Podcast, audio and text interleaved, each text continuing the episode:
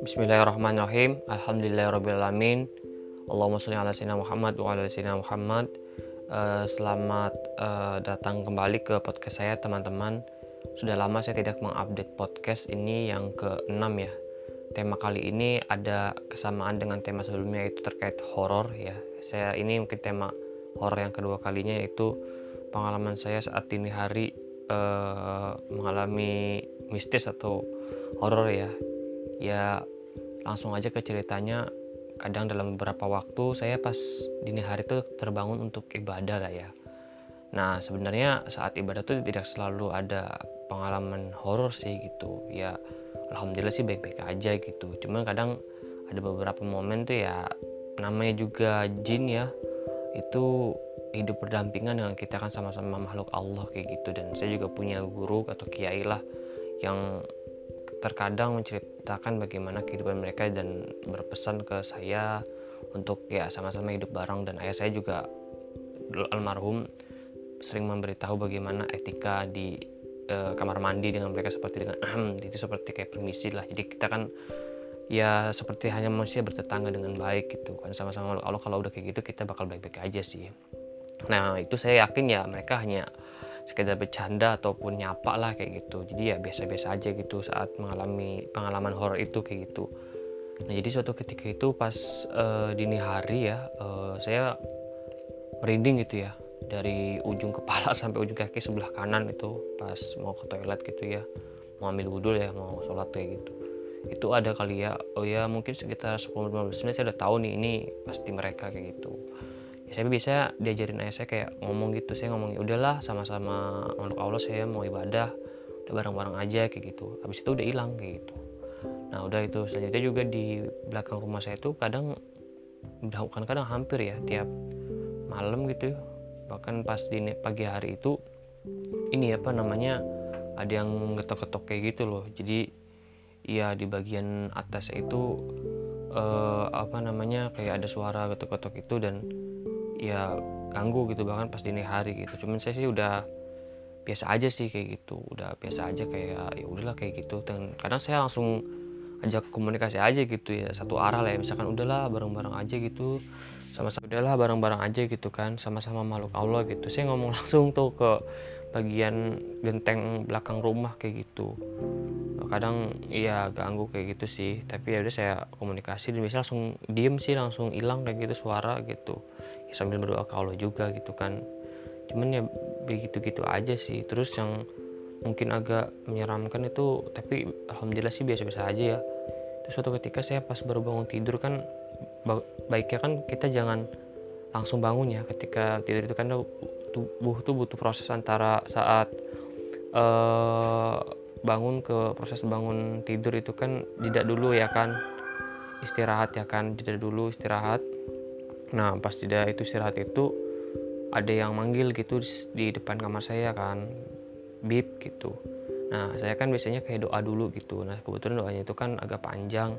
Jadi saya nggak jawab dulu em gitu. Saya kira ibu saya gitu. Kalau misalkan ibu saya minta bantuan kan pas dini hari itu ya pasti nanti langsung ngomong minta tolong apa? gitu kan.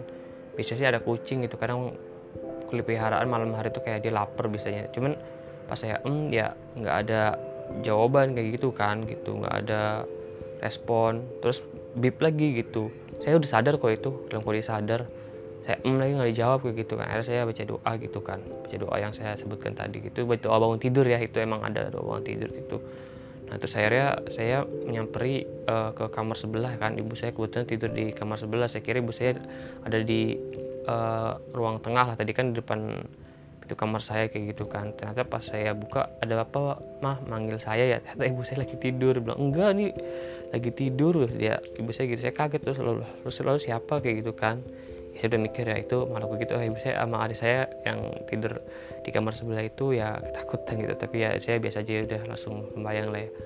Lalu di beberapa hari selang kemudian itu adik saya katanya kayak udah setengah sadar gitu kan. Jadi pintu kamarnya itu kan dibuka dikit dan si uh, itu makhluk yang mungkin mirip kayak kemarin kali ya itu uh, lewat gitu di depan pintu kamar adik saya kayak gitu. Jadi ya putih sama hitam gitu lah ya kata saya tuh saya udah agak sadar gitu dikira mama saya sedangkan mama saya kan nggak mungkin pakai baju putih tengah dini hari gitu kan. Bajunya kan ya gitu kan beda gitu lah ya. Terus adik saya itu uh, kayak di ketindihan lah.